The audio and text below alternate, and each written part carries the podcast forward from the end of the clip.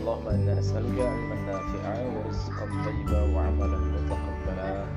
Allahumma Kita lanjutkan lagi kajian kitab eh, Makan Abu Syuja. Dan sekarang kita masuk pada bab baru yakni kitab Usul atau bab tentang puasa. Wasyara'itu wujubis siyam arba'atu asya. Syarat-syarat wajibnya puasa adalah empat hal. Jadi di sini dikatakan puasa itu adalah wajib dalam Islam. Dalilnya banyak sekali. Di antara contoh dalilnya adalah ayat Al-Qur'an ayat surat Al-Baqarah ayat 183 Ya ayyuhalladzina amanu kutiba alaikumus shiyam kama kutiba alal ladzina min qablikum la'allakum tattaqun. Wahai orang-orang beriman diwajibkan atas kalian berpuasa sebagaimana diwajibkan kepada orang-orang sebelum kalian supaya kalian bertakwa. Jadi lafaz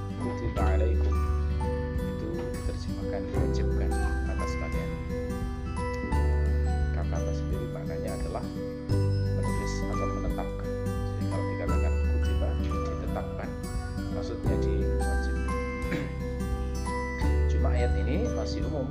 Maksudnya diwajibkan itu kapan? Ini masih belum ada penjelasan dari ayat ini. Dan yang lebih spesifik menjelaskan bahwa puasa yang diperintahkan itu adalah puasa Ramadan adalah surat Al-Baqarah ayat 185 Allah berfirman syahrul ramadan alladzi unzila fihi al-Qur'an hudan lin-nasi wa bayyinatin minal huda wal furqan. Faman syahida minkum asy-syahra falyasum.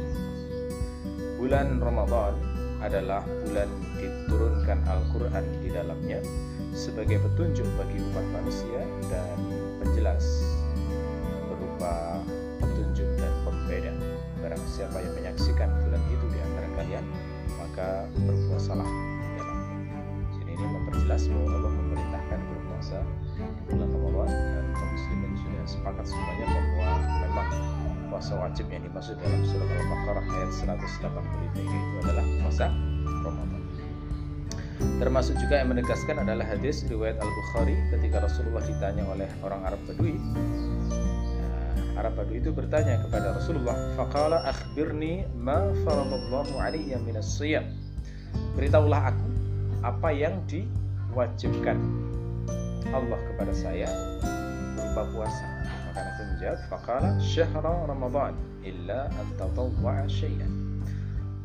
Bulan Ramadan kecuali jika engkau melakukan tatawwu atau puasa sukarela.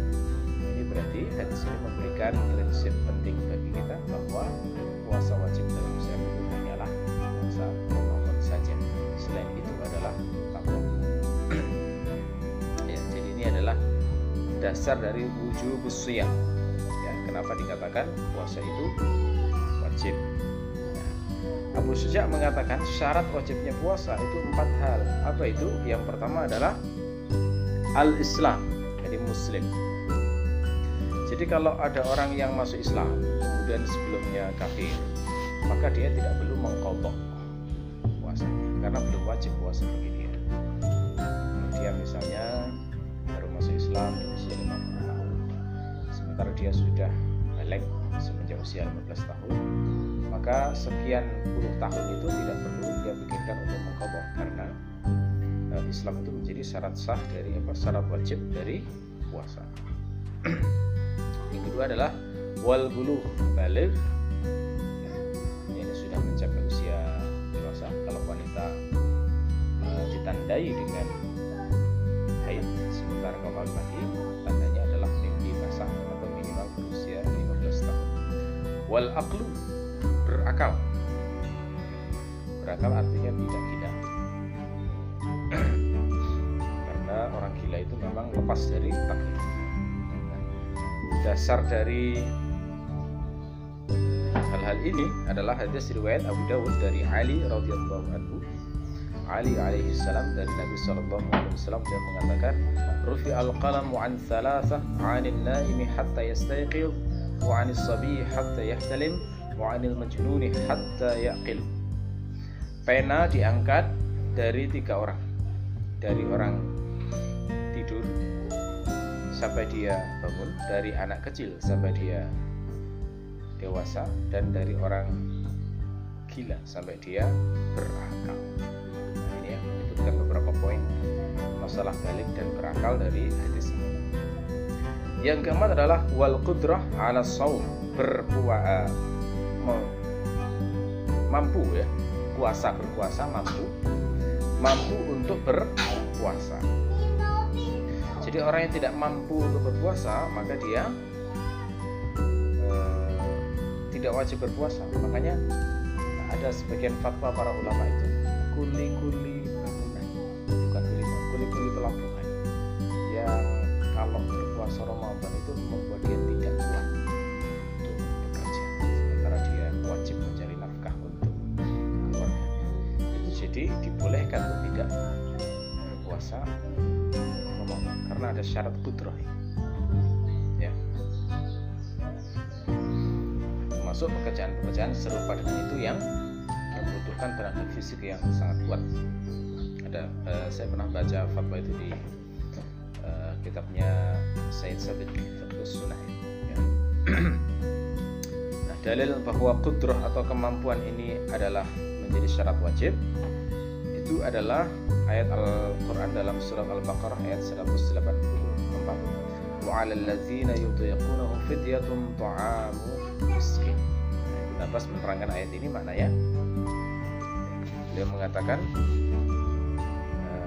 laisat bimansukhah kabir wal mar'atul kabirah la yastati'ani an yasuma fa yut'imani makana kulli yaumin miskinan ayat ini tidak dimansuh itu maknanya adalah bagi lelaki yang tua renta atau wanita yang sudah tua renta yang tidak mampu berpuasa sehingga mereka itu memberi makan seorang miskin sebagai pengganti setiap hari yang dia tinggal.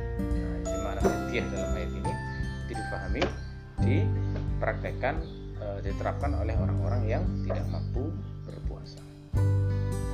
Ya. Wa faraidu shaum arba'atu asya dan wajibnya puasa, kewajiban-kewajiban puasa. Ini maksudnya rukun-rukun puasa rukun-rukun puasa itu arba'atu asya ada empat perkara yang pertama adalah an-niyah niat. Nah, dan niat ini untuk puasa Ramadan diharuskan dilakukan di malam hari. Tidak boleh niatnya nyusul. E, setelah fajar tidak boleh. Jadi sebelum fajar pokoknya. Sebelum tiba waktu subuh. Dasarnya adalah hadis riwayat An-Nasai dari Hafsah dari Nabi Shallallahu Alaihi Wasallam. Beliau mengatakan, Man lam yubayyit as-siyama qabla al-fajr fala siyamalah. Barang siapa yang tidak meniatkan puasa di malam hari sebelum fajar, maka tidak ada puasa baginya. Jadi kata-kata fala siyamalah, tidak ada puasa baginya itu menunjukkan bahwa tidak sah puasanya. Itu menunjukkan bahwa tabiyyid apa, melakukan puasa di malam hari itu wajib hukumnya. Lafat lain berbunyi Man lam yubayyitis siyam minal lail fala siyamalah. Barang siapa yang tidak meniatkan puasa di malam hari maka tidak ada puasa jadi satunya lafadznya minal lail satunya qabla al-fajr semakna ya. yang jelas batasan maksimal akhirnya adalah uh, sebelum fajar yang pertama kemudian rukun yang kedua dari sholat dari puasa adalah wal imsak anil akli wasyurbi. Menahan diri dari makan dan minum. Jadi tidak boleh makan dan minum. Ini ketika dirinci oleh para fuqaha memang akhirnya jadi banyak itu variasinya. Makanan minum ini jadi pertanyaan bagaimana hukum memakai obat eh, yang dimasukkan dalam hidung bagaimana hukum meneteskan obat pada telinga atau mata bagaimana hukum suntik banyak cabang di sini cabang obat yang sudah disepakati adalah makan minum itu membatalkan puasa. Nah, yang kira-kira semakna dengan itu apa mendekati itu batal apa tidak nah, ada rincian ya agak celah dibahas begitu ya saking hati-hatinya. Ya. oke yang ketiga adalah wal jiwa berhubungan suami istri. Nah inilah dinyatakan secara qat'i dalam Al-Quran makan minum jiwa disebutkan dalam Al-Quran tentang larangan melakukan bidah ini pada saat berpuasa. Allah berfirman dalam surat Al-Baqarah ayat 187 wa kulu washrabu hatta yatabiyan lakum al-khayt al-abyad min al-khayt al-aswad min al-fajr, thumma atimu al-siyam ila al-lail wala tubashiruhunna wa antum aakifuna fil masajid makan minumlah sampai jelas bagi kalian benang daripada benang hitam yakni fajar. Maksudnya boleh makan minum sampai jelas fajar. Kapan fajar itu? Fajar itu adalah pada uh, saat terbit uh, fajar sodek di timur yakni uh, di bawah waktu subuh. Ya. kemudian sempurnakanlah puasa sampai malam. Ya, artinya tiba fajar sodir maka janganlah makan minum sampai tiba waktu malam dan janganlah menggauli mereka yakni para wanita ya, sementara kalian dalam keadaan beriktikaf di masjid ya. ini kalau uh, ada larangan hubungan suami istri juga uh, yang meskipun di sini konteksnya adalah etikaf sebenarnya tetapi di ayat yang lain itu memang ada menegas bahwa berhubungan suami istri itu dilarang. Ini ayat yang berbunyi fal'ana basyiru sekarang di malam hari gaulilah mereka. Maknanya berarti sebelum malam hari itu di kemudian yang keempat adalah wata'ammudi al dan menyengaja muntah. Jadi menyengaja muntah termasuk membatalkan puasa. Itu dasarnya adalah hadis riwayat Abu Dawud dari Abu Hurairah. Yang mengatakan Rasulullah Shallallahu Alaihi Wasallam bersabda Man zara'ahu qai'un wa huwa sha'imun falaysa alaihi qada'un wa in istaqa'a falyaqdi Barang siapa yang didorong oleh muntahnya sementara dia berpuasa maka tidak ada kewajiban qada. Barang siapa yang memuntahkan diri maka hendaklah dia berpuasa. Jadi kalau kalau puasanya itu e, tidak ia sengaja, jadi pusing kemudian muntah, nah itu tidak ada kewajiban mengkodok. Tapi kalau berusaha memuntahkan diri, wa in fal yaqdi maka hendaklah ber e, e, puasanya. Jadi ini membedakan antara ta'ambud dan tidak, membedakan mana yang sengaja dan tidak. Kemudian berikutnya faslun mufsidatus shaum. Bab tentang hal-hal yang merusak puasa, maksudnya yang membatalkan puasa. Walladzi yuftiru bihi shaim 'asyratu asya' dan hal-hal yang membuat seorang berpuasa itu batal puasanya ada 10 perkara. Satu, ma wasala amdan ilal jauh. Sesuatu yang eh, sampai secara sengaja ke perut ya. Yang terutama makan minum. Nah, termasuk juga bukan makan minum obat misalnya maka nah, membatalkan.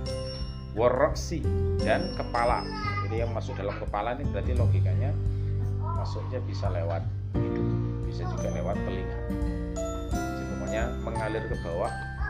Itu makanya dikatakan obat obat-obat dimasukkan ke hidung kemudian turun ke bawah itu membatalkan puasa wal huknah fi ahadis sabilain suntik pada salah satu di antara dua jalan.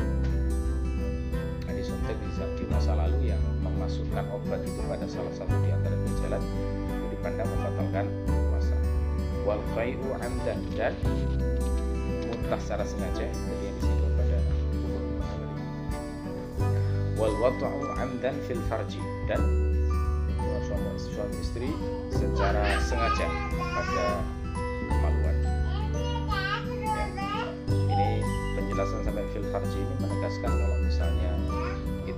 melakukannya bukan pada kemaluan maka berarti tidak membatalkan misalnya ke anggota tubuh yang lain ya tapi yang bukan bukan farj. Farj ini mencakup dua jalan ya. Wal inzal an mubasyarah dan keluar air mani karena persentuhan. Jadi kalau mencumbu kemudian keluar air mani maka batal puasa tapi kalau keluar air mani karena mimpi berarti berdasarkan penjelasan ini tidak batal jadi dibedakan antara yang karena mimpi dan apa karena mubasyarah dan bukan karena mubasyarah. Wal haid yang ketujuh adalah haid ini khusus wanita karena haid itu membuat puasa wanita tidak sah. Maka ketika muncul di tengah-tengah berpuasa batallah puasa. Wan nifas dan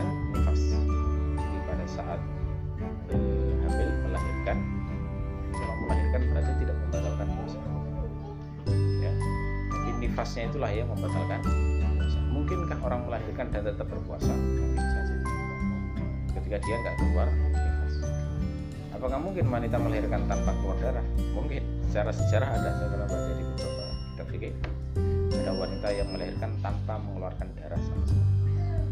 Artinya ya berarti ya batal kalau dia puasa tetap wajib sholat wal junun dan kegilaan. Jadi gila itu membatalkan puasa. Misalnya orang gilanya itu temporal. Sesekali gila sesekali sembuh maka saat puasa kemudian dia gila batallah puasa. Warlidah dan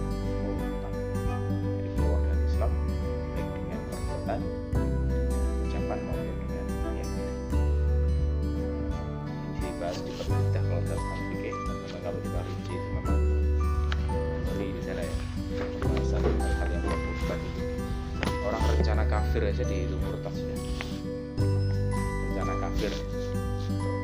Ragu-ragu kafir nggak ya? Kafir saya jadi kafir nggak ya? Jadi ragu-ragu maksudnya misalnya mau mau pindah agama jadi Buddha ragu. Nah semacam itu sudah terhitung murtad. Saat itu juga. Termasuk yang rencana kafir mu'alak kalau sudah datang tanggal 1 bulan saya pindah agama misalnya. Nah, itu sudah dihitung kafir. Juga menghinakan secara sengaja uh, hal-hal yang sakral dalam Islam Al-Quran atau yang itu sebagai penyebab orang sudah dikatakan